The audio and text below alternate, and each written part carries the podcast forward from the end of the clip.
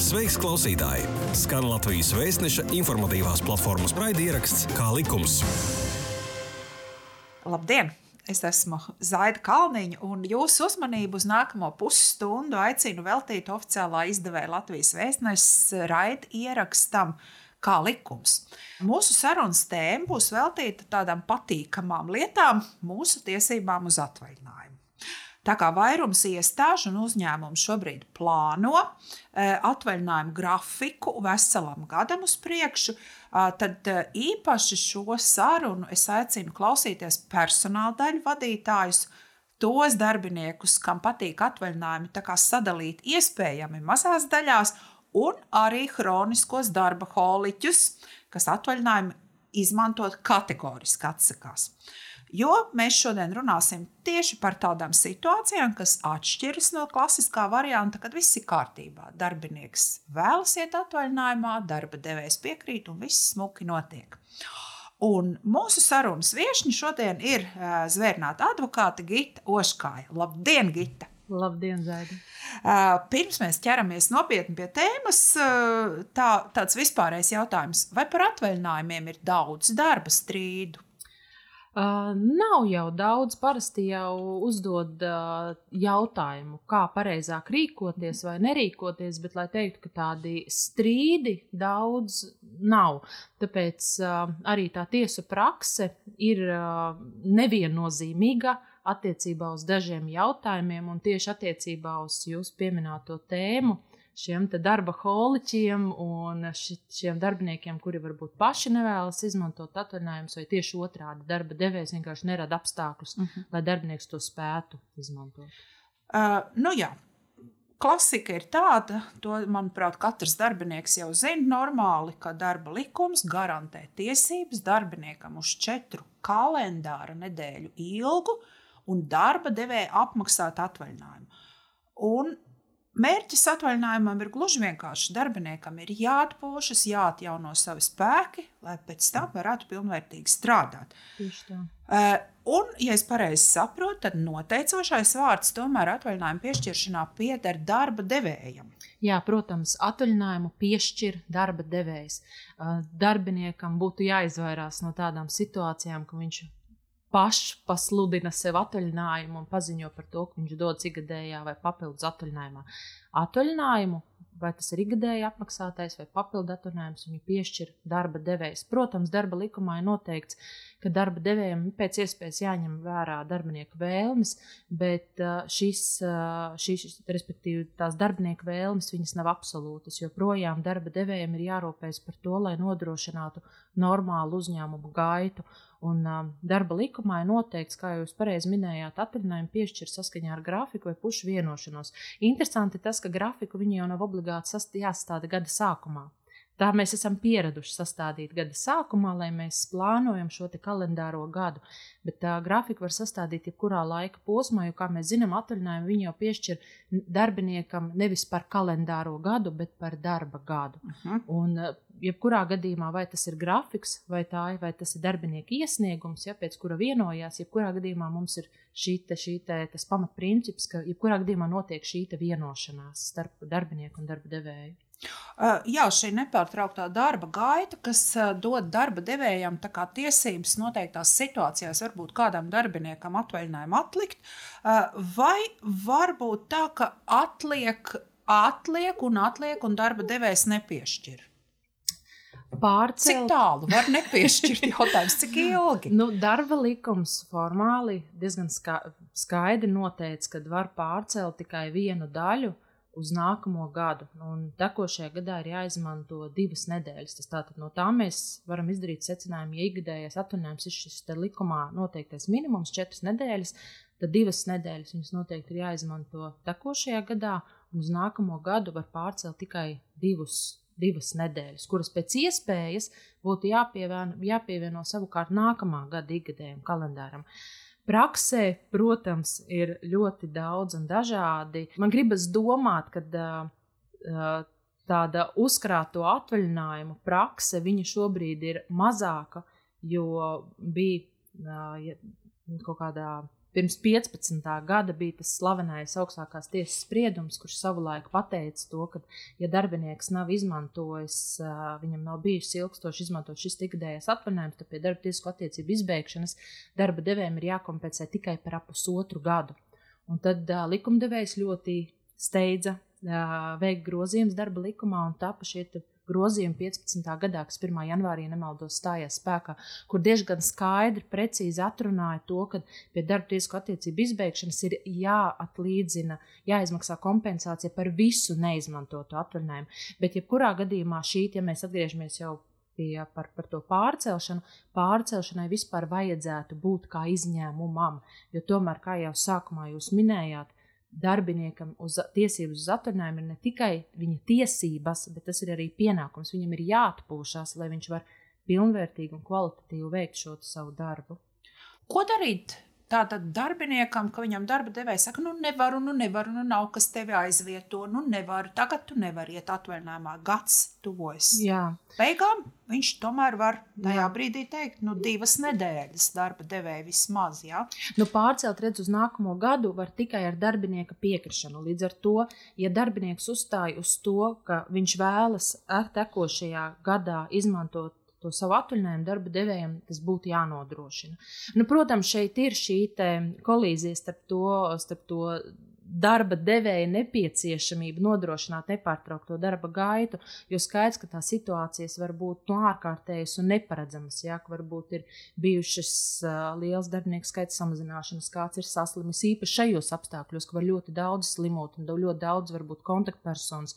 Un vienkārši fiziski to cilvēku nevar palaist, bet viņš varbūt arī iestājas pozā un pasakā, es negribu doties, negribu pārcelt to savu atvaļinājumu daļu. Protams, ka tā ir problēma. Šajā situācijā darba devējs nespējas šim cilvēkam piešķirt šo atvaļinājumu, darbinieks pēc būtības varēs doties valsts darba inspekciju ar sūdzību, un darba devēja varēs uzlikt šo administratīvo sodu par to, ka darba devējs nav nodrošinājis darbiniekam šīs tiesības uz uh, atpūtu. Jo, kā jau es minēju, pārcelt uz nākamo gadu šo daļu var tikai ar darbinieka rakstveida piekrišanu.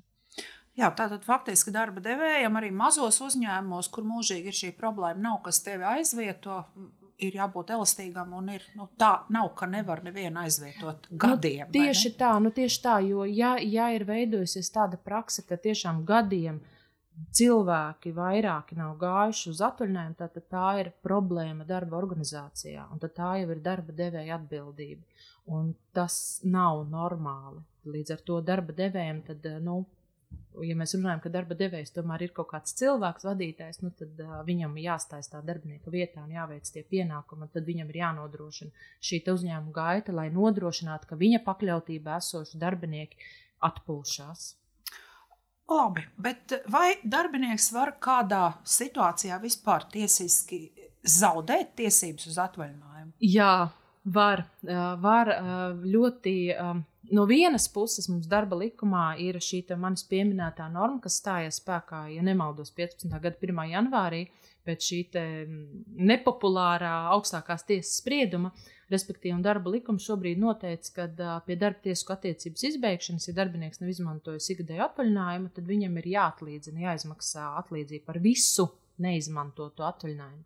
Tā pašā laikā, nesen, ja nemaldos, tas bija 19. gadā, Augstākā tiesa analizēja līdzīgu situāciju un atsaucās uz Eiropas Savienības tiesas spriedumu, kur tika savukārt analizēta darba laika direktīva, un kur arī noteica šīs darbinieka gan tiesības, gan pienākumu uz atvaļinājumu. Un, respektīvi, ja darba devējs ir radījis tādus apstākļus, ka darbinieks var doties atvaļinājumā, bet tieši darbinieks ir bijis tas, kas kurš nedodas atvaļinājumā, un viņš nevēlas, un viņš izvairās.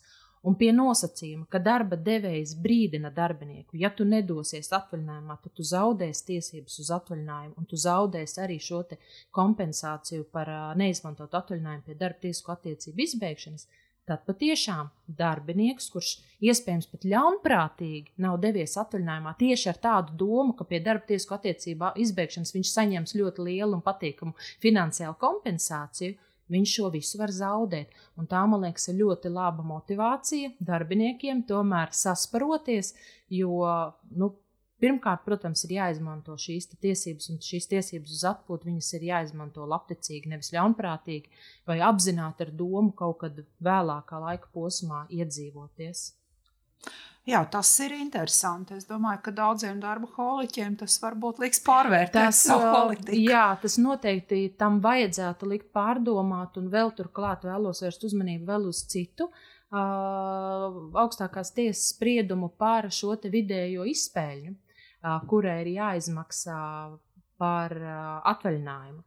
Tātad darba likumā jau vispārīgi pateikts, ka par atvaļinājumu laiku izmaksā vidējo izpēļu. Kā mēs viņu rēķinām? Tātad uz šo dienu mēs skatāmies pēdējos sešus mēnešus. Ja? Nu, tā ir vispārējā formula, par, par, par kuru mēs, pēc kuras mēs izrēķinām šo tā saucamo atvaļinājumu naudu.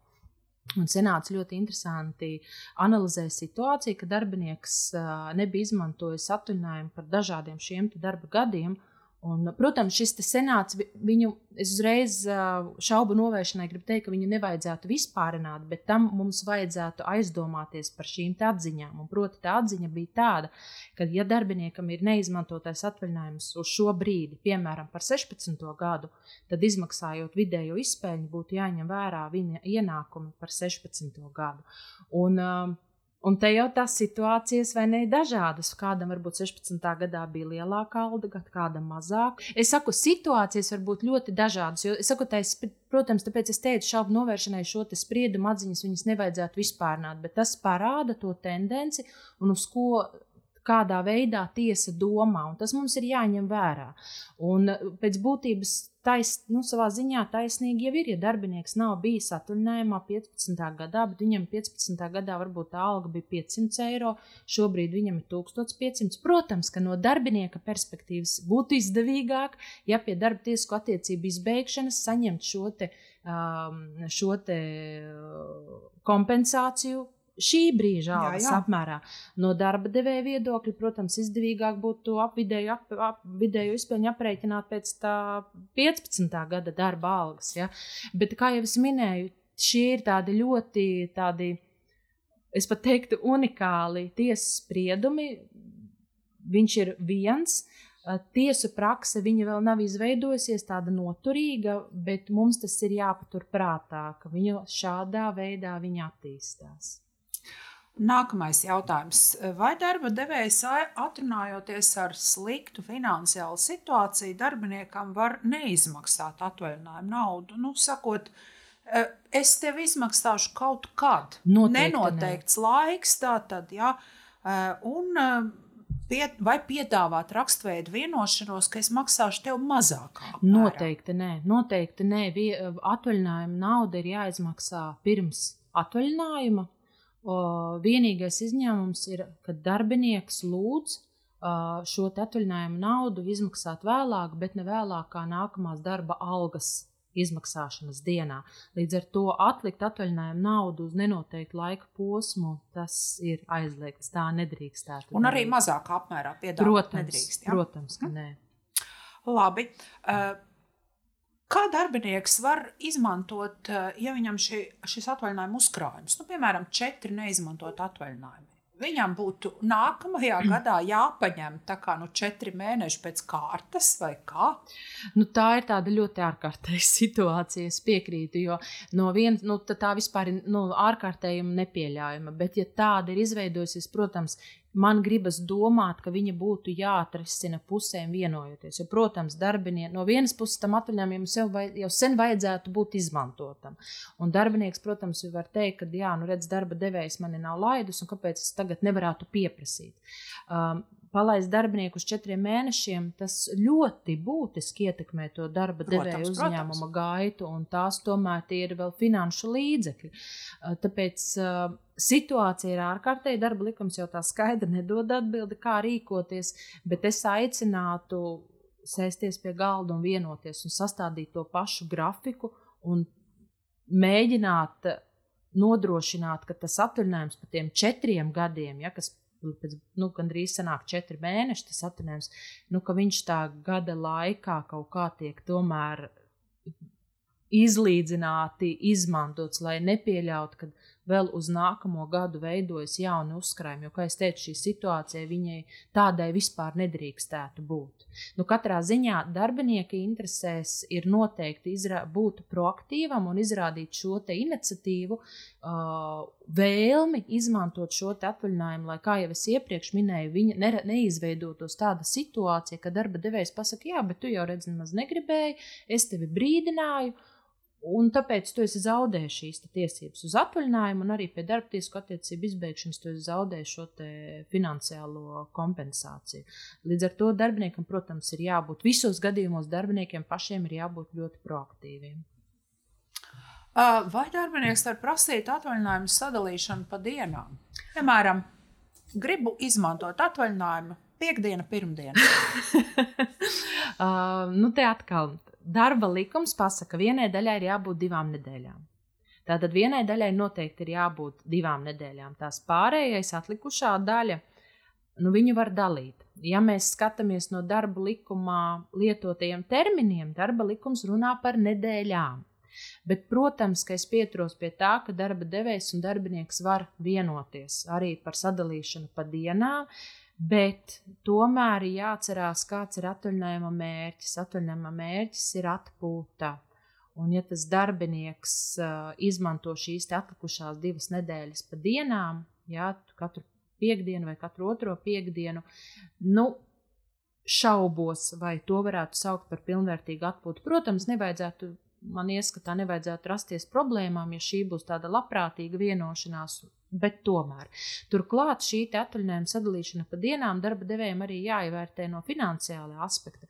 Jo, piemēram, tā saucamajā atlīdzības likumā, tur jau arī minēts, ka var sadalīt pa dienām, bet tad tās um, dienas viņas nevar pārsniegt tās apmaksājumās dienas. Nu, citiem vārdiem sakot, ja atvaļinājums četras nedēļas, tad tas ietver 20 darba dienas, kuras ir apmaksājamas, un 4 sestdienas un 4 svētdienas, kuras nav apmaksājamas. Un tātad pēc šī atlīdzības likuma, ja tur pēc tā normām darbinieks pat ja viņš dala pa dienām, tad viņam Respektīvi, apmaksājums ir tikai 20 dienas, un 8 ir neapmaksājamas.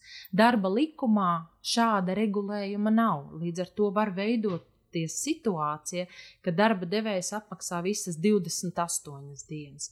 Ja darba devējs tam piekrīt un nesaskata tajā problēmu, un es tikai, ja tas notiek ar piekrišanu, es tikai to atbalstu, ja tiek rasta iespēja darbiniekam uh, apmaksāt šādas papildus dienas, bet tas ir jāņem vērā vieno, pie, pie vienošanās par atvaļinājumu dalīšanu.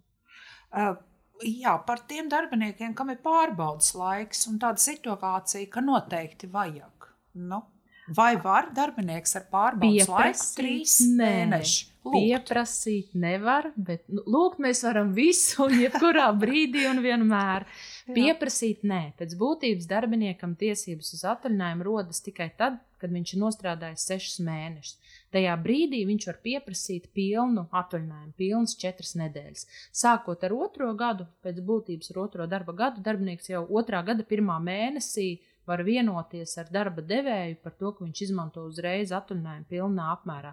Bet vēlreiz, protams, vienoties jau var, bet te vienmēr ir jāņem vērā arī šis atkal finansiālais aspekts no darba devēja puses. Ja, jo, ja, ja darbinieks būs paņēmis atvaļinājumu avansā, Ja, tad pie darba tiesku attiecību izbeigšanas var būt situācijas, ka, ka darba devējs nevar veikt ieturējumu. Jo, piemēram, ja darbinieks, protams, pats uzteiks darba līgumu, tad šo ieturējumu varēs veikt.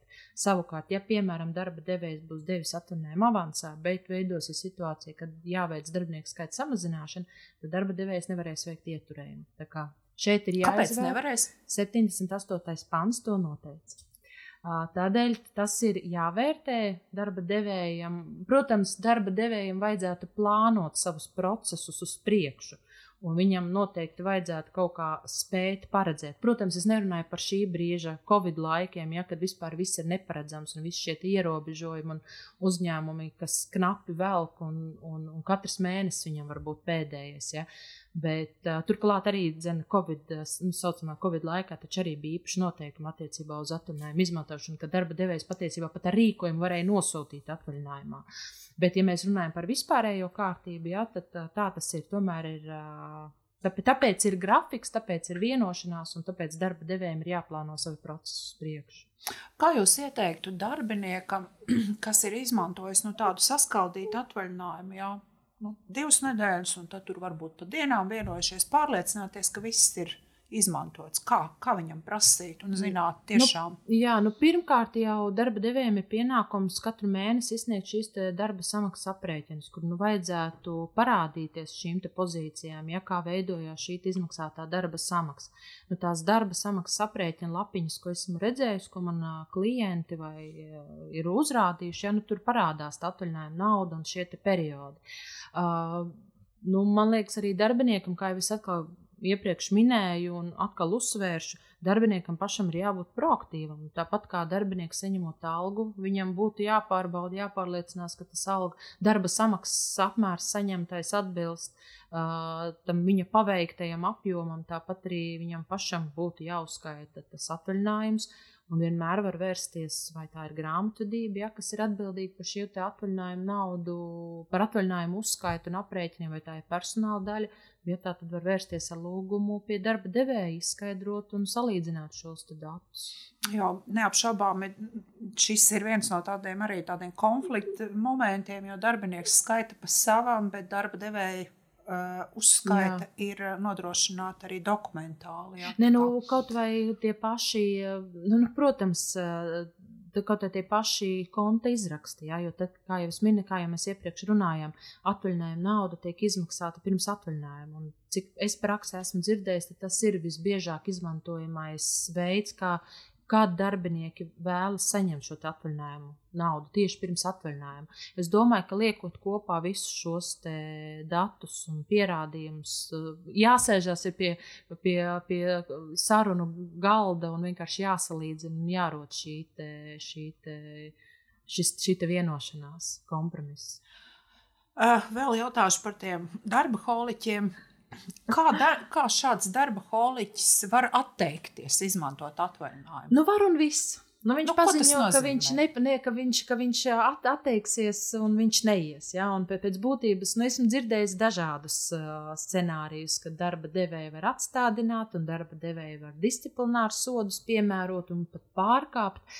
Uh, es gan uh, Nesmu ļoti pārliecināta par šādiem risinājumiem. Es, kā jau iepriekš minēju, kad uh, tie darba holiķi, nu, tas lielākais sots, ko viņš var saņemt, tā jau ir tā tiesība uz atvaļinājumu un finansiālās atlīdzināšanas, respektīvi atlīdzināšanas naudā pie darba tiesiskā attiecību izbeigšanas, šīs tiesību zaudēšana. Ja? Tātad, tā, kas ir darba devējiem jādara, darba devējiem ir rakstveidā jābrīdina darbinieks un iespējams pat vairākas reizes, un jānorāda, ka viņam ir uzkrājies atvaļinājums, ka viņam viņš ir jāizmanto, ka tās ir viņa ne tikai tiesības, bet arī pienākums, un ja viņš to nedarīs, tad viņš var zaudēt šīs tiesības uz atvaļinājumu par iepriekšējiem periodiem, un pie darba tiesisko attiecību izbeigšanas viņš var zaudēt te, šīs, te, šīs te izmaksas. Un man liekas, ka tas būs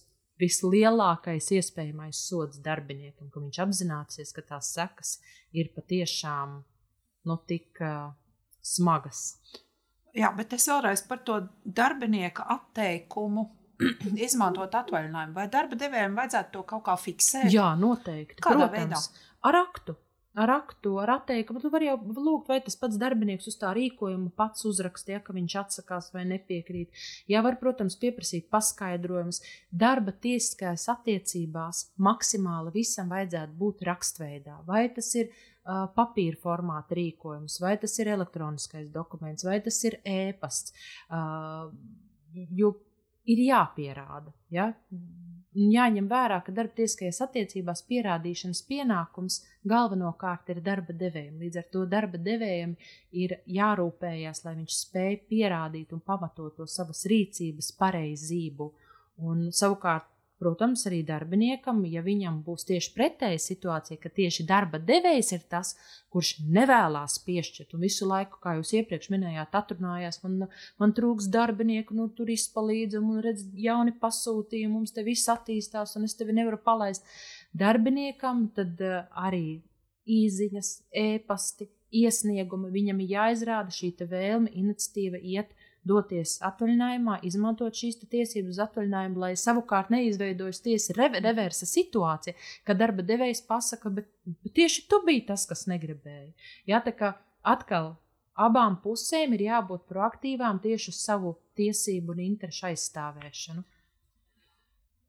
Vai Par to var sodīt arī darba devēju, ka viņam, piemēram, ir tādi hroniski darba holiķi, kas strādā kā traki un, un neiet eh, atvaļinājumā, neizmanto. Faktiski viņam jau it kā no vienas puses galva nesāp, nu, nav jāmaksā atvaļinājuma nauda, Jā. darba process ir nodrošināts. Uh, Vai pret darba devēju var būt kādas sankcijas? Nu, tās sankcijas jau var būt tik tālu, cik tālu valsts darba inspekcija ierodas, veids pārbaudu, un ja viņi konstatē, ka tā ir bijusi tāda darba devēja pretiesiska rīcība, ja, kas ir izpaudusies kā uh, hroniska atvaļinājuma nepiešķiršanā, ja bez kaut kāda pamatota iemesla un vispār darba likuma norma ievērošanā, tad, protams, ka var būt uh, sots, jo es domāju, ka darba inspekcija ļoti formāli pieies tam aspektam un skatīsies cik var vispār pārcelt uz nākamo gadu, kāda ir bijusi rīcība, vai ir bijuši rīkojumi, vai ir dot iespēju darbiniekam doties atvaļinājumā, vai ir bijušas vispār kaut kādas sarunas par atvaļinājumiem.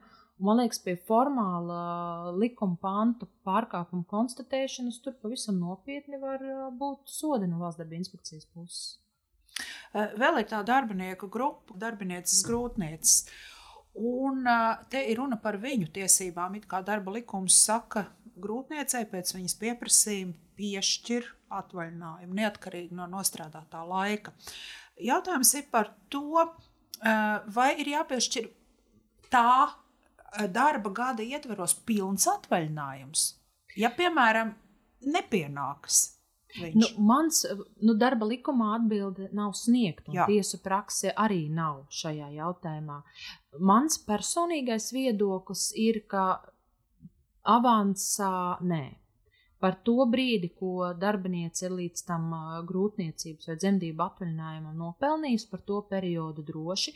Iespējams, tur vēl ir tāds, ro, tāds, tāds, tāds robiņš, respektīvi tas laiks, kuru, kuru darbiniece pavadīs tajā grūtniecības un dzemdību atvaļinājumā. Pa šo laiku jau arī tiek uzskaitīts atvaļinājuma laiks, nu tad tur vēl tās dieniņas var piepusēt klāt.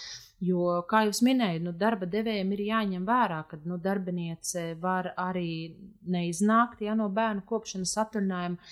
Nu, es liecos domāt, ka darbiniece var pieprasīt tikai to atvaļinājumu daļu, ko viņa ir reāli nostrādājusi un nopelnījusi. Un īpaši par skolotājiem Kas ar šīm jaunajām dāmām, skolotājām, kam faktiski atvaļinājums nu, pēc likuma ir gan garāks, bet arī viņas faktiski viņa izmanto vasarā. Un ir šis uh, grūtniecības atvaļinājums. Vai viņa var prasīt pirms? Jā, nu, bet, protams, jo, ja, ja tas ir tas grūtniecības un dzemdību atvaļinājums, nu, plānojās sākties maijā vai aprīlī, tad, protams, tās nu, bet, ir. Piemēram, februārī. Nu, kāpēc ne? Un tad sanāk, viņa var prasīt eh, jau eh, novembrī. Jā? Pēc būtības, Divus. jā, jā. Es varbūt eh, nezināšu, ja vien nav kaut kāds izņēmums atlīdzība likumā vai likumos, kas regulē ja, kaut kādas valsts pašvaldību iestādes. Nostrādāto konkrēto es laiku. Es uzskatu, ka jā, apmērā. ja piemērojas darba likums, tad un, un, un uz, nu, ir noslēgts darba līgums, tad mans, bet kā es minēju, tas ir mans personīgais viedoklis, jo ir jau tātad tēmas un jautājumi, kuros nāk, kuras, kur konkrēti nevar rast atbildi darba likumā un nav izveidojusies tiesu praksa, uz kuru mēs varam balstīt un pamatot savu viedokli. Mums katram ir tikai savs, uh, savs viedoklis. Un es uzskatu, ka mēs varam prasīt uh, tikai par uh, šo nostrādāto darba periodu. Nu, re, 30 minūtes vienkārši aizlidoja. vēl tik daudz, ko gribējās pateikt. Vēl ir ne, neskartā tēma, papildu atvaļinājumi. Jā, par to mēs Gita runāsim nākamajā reizē. Un noteikti tā ir interesanta tēma, jo papildu atvaļinājumi ir dažne dažādi. Un e, kā viņi tur, vai viņi summēsies vai nē, mēs esam LA portālā to rakstveidā skaidrojuši. Bet noteikti tiksimies nākamajā reizē.